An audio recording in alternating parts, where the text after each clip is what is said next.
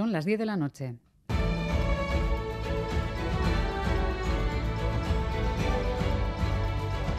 Radio Euskadi y Radio Vitoria. Servicios informativos.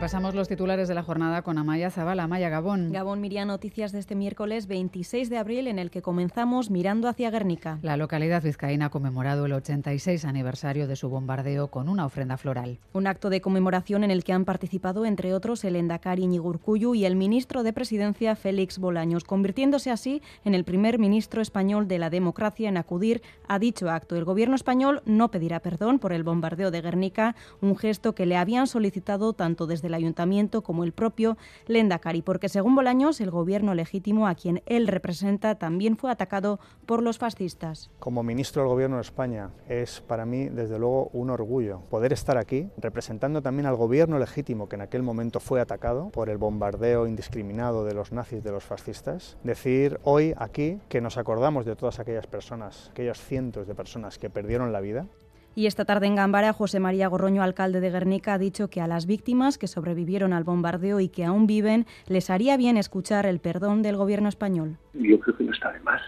que se pidiera perdón. Lo que pasa es que es muy voluntario. Todavía en Guernica, hombres y mujeres que sufrieron muchísimo, sería bueno que el gobierno de España pues dijera lo sentimos mucho. Eso fue ordenado por quien fue. Y no estaría de más decir lo sentimos.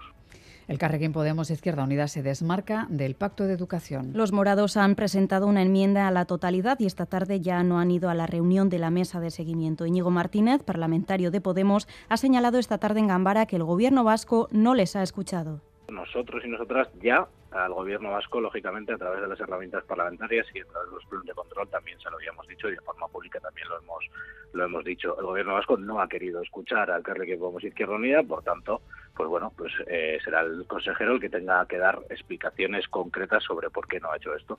Y a este desmarque de Podemos se le suman las dudas del Partido Socialista de Euskadi. El consejero Vildarraz ha manifestado que no se lo esperaban y Andueza afirma que el Endacari estaba al tanto de las desavenencias por parte de los socialistas. En el Consejo de Gobierno yo no observé ninguna diferencia eh, de ese calado. Eh, le recomendaría que hablara un poquito más, tanto con su partido como con el propio Lendakari, al que la vicelendakari Idoya Mendía le hizo saber nuestras desavenencias o nuestras reservas al respecto de esas cuestiones el día anterior del Consejo.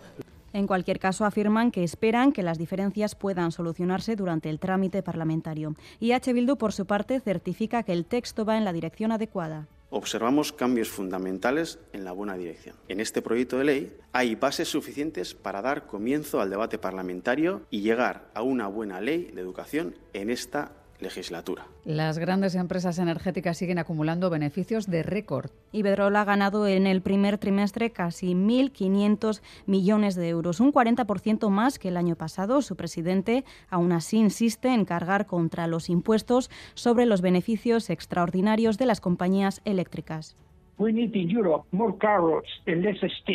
En Europa necesitamos más zanahorias y menos palos, como están haciendo en Estados Unidos. Hay que facilitar las inversiones, incentivar, no penalizar.